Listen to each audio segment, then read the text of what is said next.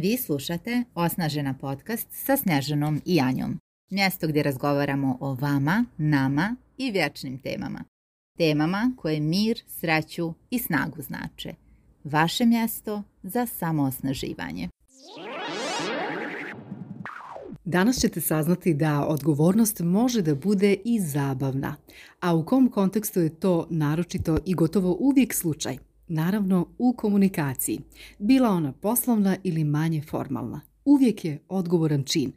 Ako su nam misli ogledalo toga kakvi smo u stvari, komunikacija je ogledalo našeg socijalnog zdravlja, a kada je odgovorna, zagarantovano donosi autentičnost, asertivnost, osjećaj uspjeha i zadovoljstva, kvalitetne i trajne veze.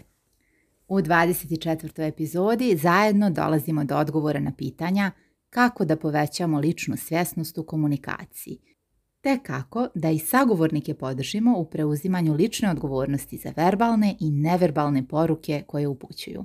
Poslušajte epizodu do kraja i odgovorite sebi napismeno ili naglas na coaching pitanja koja postavljamo. Dijelite korisne informacije, šaljite nam komentare i postavljajte pitanja. Draga Anja, možemo li reći da je odgovoran komunikator ujedno i uticajan komunikator? Ako odgovornost posmatramo kao sve ovo što si na mhm. početku navela, i autentičnost, i asertivnost, i zadovoljstvo, mhm. i e, svjesno i savjesno građenje kvalitetnih veza, onda sigurno jeste utjecajan. Mm. Mhm. Ne znam šta bi još trebalo da bude utjecajan. Zaista to je sve što, e, što mi u ovom trenutku pada na pamet, ali e, da vodimo računa o tome da su stvarno sve ove nabrojane stavke toliko e, duboke i toliko više slojne i da toliko poznavanja sebe podrazumijevaju mhm. prije svega. Mhm. Ova epizoda nam se lijepo nadovezuje na prethodne dvije, posebno na onu tri ključa podmazdane komunikacije mhm. gdje smo pominjali da je jedan od osnova, odnosno najvažnija stvar, u stvari postavljanje namjere u komunikaciji. Možemo li to dovesti onda u vezu sa odgovornošću? E, sigurno da da. E, bez namjere uvijek ćemo imati neku razuđenu mhm. komunikaciju i postavlja se pitanje koliko će e, na kraju e, jeli, razmjene profitirati jedna, druga, treća strana. Dakle, koliko će ta komunikacija biti win-win ukoliko nemamo jasno postavljenu namjeru. To apsolutno s druge strane ne znači neku namjeru zavijenu da smo mhm, mi imali mhm. neki cilj, nego neku okvirnu namjeru i nju komuniciramo sa govornicima mhm. u svakom trenutku. Ona je, dakle, vrlo vidna, opipljiva i čuje se i jasno se izgovara. U tom smislu namjera. Kako to izgledalo u praksi? Naprimjer, neko dođe uznemiren, mm ima možda neku informaciju vezano za nas mhm. koju mi možda nismo ni rekli. Šta bi onda bila naša namjera? Ako želimo jeli, win-win situaciju e, i da. svima bude dobro, kako bismo se onda mogli postaviti u toj situaciji? A možemo se dosta osloniti na onaj temom centriranu mhm. interakciju, TCI model. iz NLP-a i coachinga Dakle, da podsjetimo, naravno kalibrirajući i sa najboljom mogućom namjerom, da podsjetimo da nam je zajednički cilj i da ćemo se zajedno dobro mhm. osjećati ukoliko e, dobijemo neki zaključak iz vezano za konkretnu temu oko koje smo se okupili. mm Ti i ja smo se danas okupile jeli, oko teme da damo neku predstavu, našu predstavu, da ponudimo mogućnost za dalje istraživanje našim slušalcima na konkretnu temu odgovornog komuniciranja. Mhm. Mi danas nećemo pričati o ličnom brendu, na primjer, mhm. iako to nas jako zanima i možemo da skrenemo, ali nećemo do u detalje, možda ćemo spomenuti ali u suštini ćemo se truditi da imamo odgovor na pitanje odgovornoj komunikaciji, a ne na neka, mhm. neka druga pitanja sporedna. I u trenutku kada ja skrenem previše sa teme, ti mene podsjetiš mhm. na to, aha, a da bismo došli do zaključka, mm hajde da se vratimo, hajde da mhm. rezimiramo. Dakle, odgovoran komunikator bi trebao imati sve ono što smo pomenjali i u prethodnim epizodama, da kalibrira svog sagovornika, da mm. asertivno komunicira, da razjašnjava ukoliko dođe do određenih nedoumica, razgovor uvijek dobra ideja, kako ti kažeš, da insistira dakle na tom pojašnjavanju, razjašnjavanju i da se kreću ka uzajemnom razumijevanju da dođu do nekog rješenja, ne da ostanu u lošem stanju, u lošim odnosima i tako mhm, dalje. Mhm, mhm. Baš tako. I sad da ovo ne bi odmah zvučalo kao nešto preozbiljno. Mislim, samo vraćamo jedni druge, fokusiramo. Može da bude jako zabavno. Možemo se i našaliti, naravno kalibriramo i situaciju. Mhm. Ako je vrijeme za šalu, kažemo, ej, slušajte, imamo sad ovo na umu, ako mislimo danas da to mhm. završimo, hajde da se vratimo. I kada je iz takve dobre namjere i stvarno te, te, zajedničke, te vizije za zajednički uspjeh, mhm. onda je uvijek kongruentno, onda je uvijek autentično, i kad je autentično, to drugi ljudi osjete i energetski. primijete, osjete. Da, ne, mhm. ne, možemo slagati. Na tom energetskom nivou ne možemo slagati da. sagovornika. Malo prije smo rekli, kada je komunikacija odgovorna, donosi autentičnost i asertivnost. E sad, pošto mi znamo da je predoslov za asertivnost emocionalna inteligencija, mhm. kako možemo dovesti u vezu sad tu odgovornost komunikaciji i poznavanje sebe, svojih emocija, ali i poznavanje emocija drugih ljudi, odnosno kalibriranje emocija. Pa ono, EQ kao emotional quotient, um, emocionalna inteligencija je preduslov za svaku vrstu kvalitetne komunikacije. Mm. I sad šta ona znači pod broj 1? Emocionalna inteligencija počinje od poznavanja sebe i svojih potencijalnih reakcija, sobstvene emocije, šta za mene, kako ja na tjelesnom nivou osjećam ljutnju, uznemirenost, kako znam e, da mi je neprijatno u nečem, u mhm. nečijem okruženju i kako ja reagujem inače na to i šta radim kada znam da mi nije dobro ili šta radim kada osjetim da sam euforična. Mhm. Da li nekada imam neke ishitrene, ishitrena razmišljanja, ishitrene odluke i slično. Što bolje poznajemo sebe na taj način, mi dobijamo kao više prostora za druge ljude. Mhm. Jer ukoliko sam ja sebi nepoznanica i ne znam kako ću da li emocionalno odreagovati ili neću odreagovati uopšte, možda ću biti u nekom frizu, imati osjećaj da svijet meni nešto radi, da ja tu nisam mhm. uključena, onda ja nemam prostor za druge ljude i za komunikaciju uopšte. Mhm. Možda zvuči radikalno, ali kad sam sebi nepoznanica, ja uopšte ne učestvujem u komunikaciji ili učestvujem u jako malom procentu. E, to ćemo znati po čemu. Po onom osjećaju upravo da su nam drugi nešto podmetnuli, da su mhm. drugi nešto naredili, da smo mi samo neki pijun jeli, u toj komunikacijskoj igri. To je izvrtanja. To je apsolutno izvrtanje. Jeste, jeste. Mhm. Izvrtanje, eh, dakle pretjerano filtriranje nekih informacija mhm. koje tu objektivno jesu oko mhm. nas. I davanje nekog značenja koje možda i nije relevantno. Koje jeste, jeste. Tako da možete se zapitati, evo da nešto bude konkretnije, možete se zapitati koliko stvarno učestvujem svim svojim čulima baš u toj temi, baš u tom odnosu baš dakle kalibrirajte prvo malo sebe. Nema veze, neka na prvom sastanku možda i propustite neku informaciju, zamolite da se ponovi. Ali pokušajte da kalibrirate sebe koliko ste stvarno dobro, koliko ste tu prisutni i samo u toj temi. A koliko s mhm. druge strane naviru neke druge misli. Šta će mhm. biti posle sastanka? Šta je bilo prije mhm. sastanka? Ovo što si ti spomenula je e, jako dobar primjer Ljudi vrlo često dođu pod već nekim nabojem. Emocionalnim, da, da, mhm. Dođu pod nabojem, dođu nakupljeni nečeg drugog i onda iz te perspektive, odnosno kroz prizmu toga što su već nakupili, filtriraju sve ovo drugo što se dešava. Tako vide i sagovornika Jest. i tako možda i vide ishod komunikacije. E baš tako. tako tom emocija, tako i komuniciraju.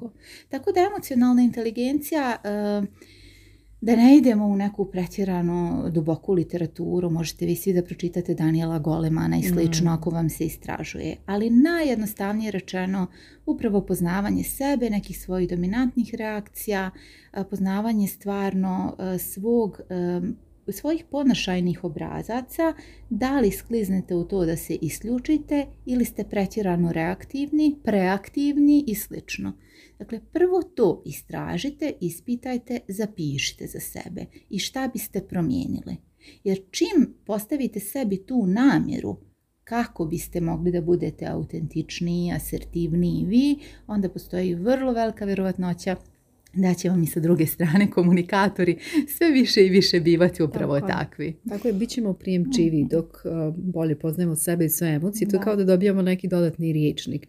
Pa znamo imenovati određene emocije. I one mhm. primarne i one sekundarne. Ako sam se mhm. naljutila zbog nečega i reagujem na način, ne znam, evo, mlataram rukama, šta god. U stvari, moj strah je nešto potpuno drugo i poznavanje upravo takvih emocija će nam olakšati da to prepoznamo i kod drugih ljudi, da ih razumijemo i da damo prostora toj komunikaciji da damo mm. vremena drugoj strani možda malo i da razbistri glavu, jel kako se mm-hmm. kaže. Tako da svakako isplati se jeli, raditi na emocionalnoj pismenosti kao preduslovu za istinsku asertivnost i autentičnost u komunikaciji. Vi slušate Osnažena podcast.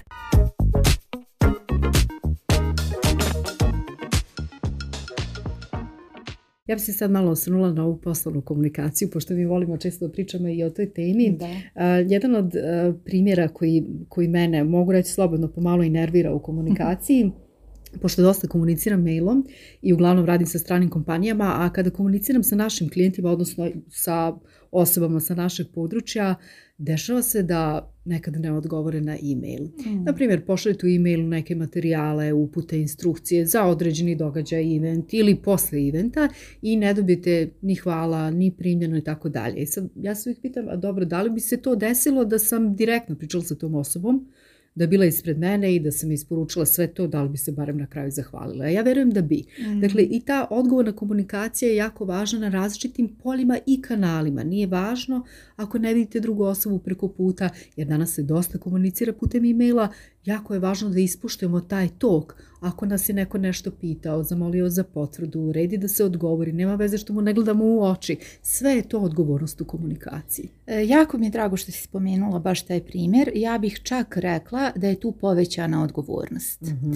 Iz kog razloga? E, ukoliko mi nemamo e, sva reprezentativna polja zastupljena i sva čula nisu uključena, mi samim tim, samim tim se povećava odgovornost da dočaramo namjeru kada ja nemam preko puta tu osobu, ja nju ne vidim. E, ne znam da li je okrenula očima ili se možda pomirila ili želi da izađe iz prostorije. Ne znam. Dakle, telefonski ili putem maila odgovornost je povećana. veća, da, da, da. Mhm. Povećava se taj nivo odgovornosti. Eto, to je, to je nešto što smo mi primijetili u praksi i dešava se. A, I mi kad god imamo i neko predavanje na tu temu spomenemo taj primjer i dosta ljudi se onako i upita a da vidiš ovo je super sada ovaj, tema za razgovor, nekada se imen desi da pro... ok, desit će se nekada da propustimo da odgovorimo na neki email, ali to ne treba bude manir u komunikaciji. Mm. Mene je jako važna ta tema zato je stalo nekako provlačimo kroz te naše seminare o asertivnosti i uopšte u poslovnoj komunikaciji. Jeste, e, zaustila sam upravo da kažem to e, sad kada imamo e, prepisku sa dragim damama recimo iz, koji su preduzetnice, znaš i sama kako se obradujemo, pošaljemo neke materijale i kad mm. njih, ne znam, od 50, 10, 15 kaže ja hvala, baš mi je ovo značilo, baš ću da primijenim ili šta god. Neka vrsta feedbacka, da, mislim feedback hrani nas, sigurno nas hrani kao ljude da uopšte i mi čujemo, doživimo, osjetimo da to ima smisla za nekog drugog jer ne nećemo mi autistično raditi nešto, e, nema tu mnogo ega, znate, evo sad ja baš kad razmišljam o tome. Ne zato e, što niste odgovorili, nećemo mi našto uraditi, poslati i tako dalje. Ne uopšte, nego bukvalno je potrebno kao, jel to vama uopšte služi? Mhm. Jer ako mi šaljemo neke materijale za koje mi vjerujemo da su korisni, i nemamo nikakav feedback, onda ćemo se mi zapitati, Bože, pa jel spamujemo ove ljude, kao jel ovo, stvarno smo dosadni, da, da, da. I onda se, znate, da, desi da sretnemo, na primjer, neke naše drage dami klinice kažu, jao, kako mi je super, ono što koristim i primjenjujem, a mi smo već otprilike kao, jao, treba da skinemo ovu žanostu listu, jer kao spamujemo i nikakvog odgovora. Tako da to vrlo, vrlo može da bude onako sa puno nekih pitanja, a nema potrebe, zaista, nekada mm. samo reći primljeno, hvala, koliko god nemali vremene, koliko god e, mhm. dan da brzo prolazi je stvarno jako korisno. Da, čisto vama za razmišljanje. Da, super što spomenula feedback. Postoji jedno interesantno mhm. istraživanje u kompanijama. Lideri su procijenili i ocijenili u stvari feedback kao najkorisniji komunikacioni mhm. alat, ali najmanje se primjenjuje. što misliš zašto se najmanje primjenjuje? Pa nije jednostavan. kada jedno društvo nije nije dovoljno podučavano emocionalnoj inteligenciji. Mm. Postoji jedna mogućnost da se feedback doživi kao kritika. Mhm. Što on apsolutno nije.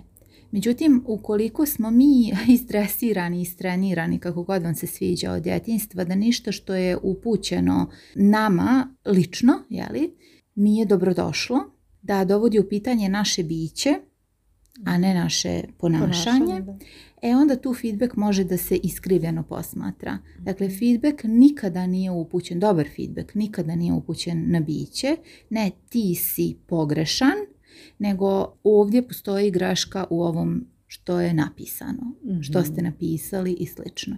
Mhm. Nažalost, naš mozak je toliko istreniran da mi sebe doživljavamo kao jeli, pogrešne, manje vrijedne i tako dalje. I čak i kada dobijemo dobar feedback, postoji opasnost da e, mi to interpretiramo kao e, nešto što je upućeno na mhm. biće. Dakle, samo se zapitajte sljedeći put kada dobijete feedback ili kada vi dajete feedback. Da li sam e, ovo interpretirao kao upućeno na biće? Ukoliko je baš upućeno na biće, da vam neko kaže joj, uvijek to griješiš. Uvijek. naprijed, to je već i generalizacija i svašta nešto.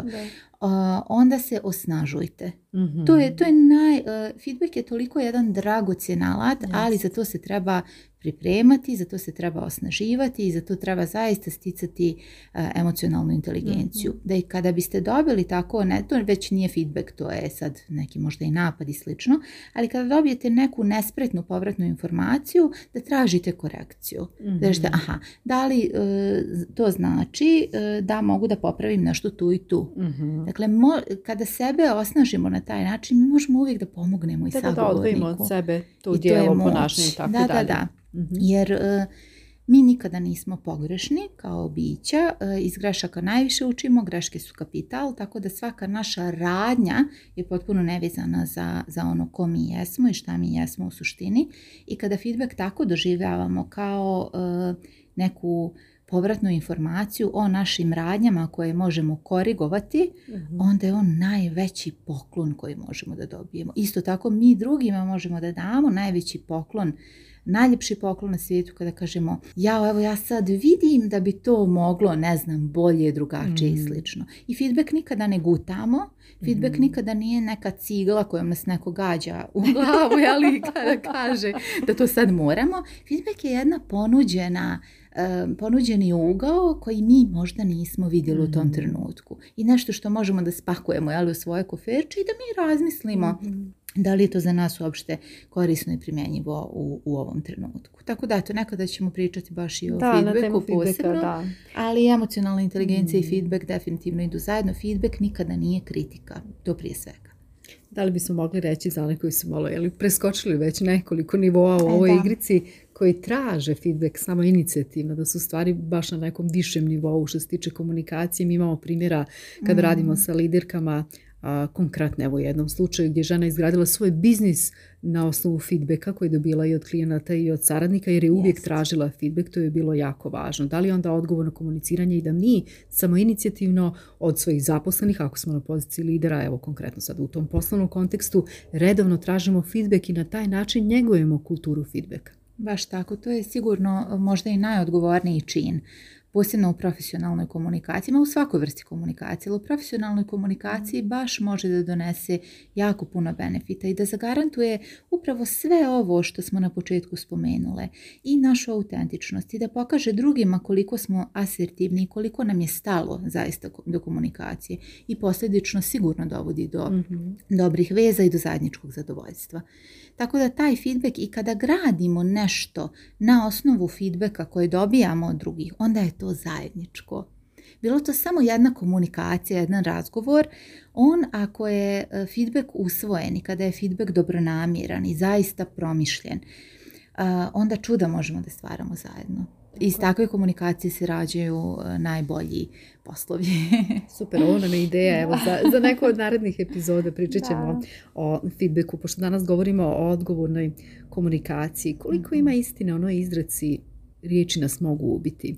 Čitam jedan interesantan primjer u mm. e, knjizi o asertivnosti koliko u stvari riječi mogu biti opasne, iako mnogi kažu nisu opasne, ako se mi ne samo osnažujemo, ako ne radimo na našoj autentičnosti, asertivnosti i tako dalje.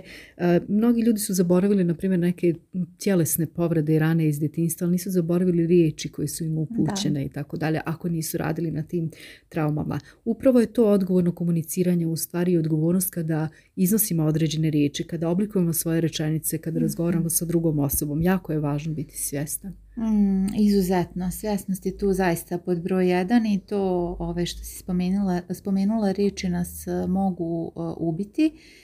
E, pa mogu na neki način, mhm. upravo mogu, mogu umjeti neke dijelove našeg bića, e, neke emocije mogu u potpunosti potisnuti mhm. i mogu nas toliko uplašiti na nekom nivou da jednostavno zatvorimo, damo sebi neke zabrane i ne budemo svjesni toga.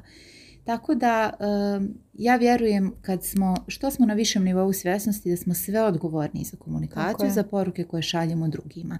Društvo koje e, nema emocionalnu inteligenciju, e, vidimo što se dešava, svakodnevno vidimo u medijima, kakve poruke šaljemo jedni drugima, e, kakve komentare, može da bude stvarno opasno, a iz druge strane može da bude prelijepo kada nekome date krila.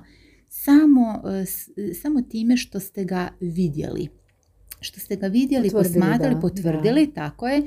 I e, čak i ponudili neku perspektivu da može još bolje, da može mm. ovako onako. Ali da, vidim da tu si prisutan, hajde da vidimo šta još možemo zajedno, zajedno da gradimo, da, da uradimo. E, riječi mogu biti, riječi mogu dati krila. Tako je, upravo Evo za kraj možemo onda rezimirati da kažemo da je odgovoran komunikator, autentičan, asertivan, a čućemo u narodnoj epizodi zašto karizmatičan. Upravo tako, da. Iz svega ovoga, kada jesmo svjesni sebe, kada jesmo svjesni drugog bića, kada se trudimo da unosimo što manje e, svojih predrasuda, mm. pretpostavki, odnosno da što manje generalizujemo, e, bespotrebno filtriramo, kada smo tu, kada smo tu prisutni, mhm. prisutni svim čulima u tom trenutku i odajemo priznanje samim svojim e, prisustvom, samom svojom prisutnošću e, drugom biću, onda postoji velika mogućnost da budemo i harizmatični. Odlično, čućemo kako u narodnoj epizodi. Hvala puno, Anja. Hvala Snježo, srećno.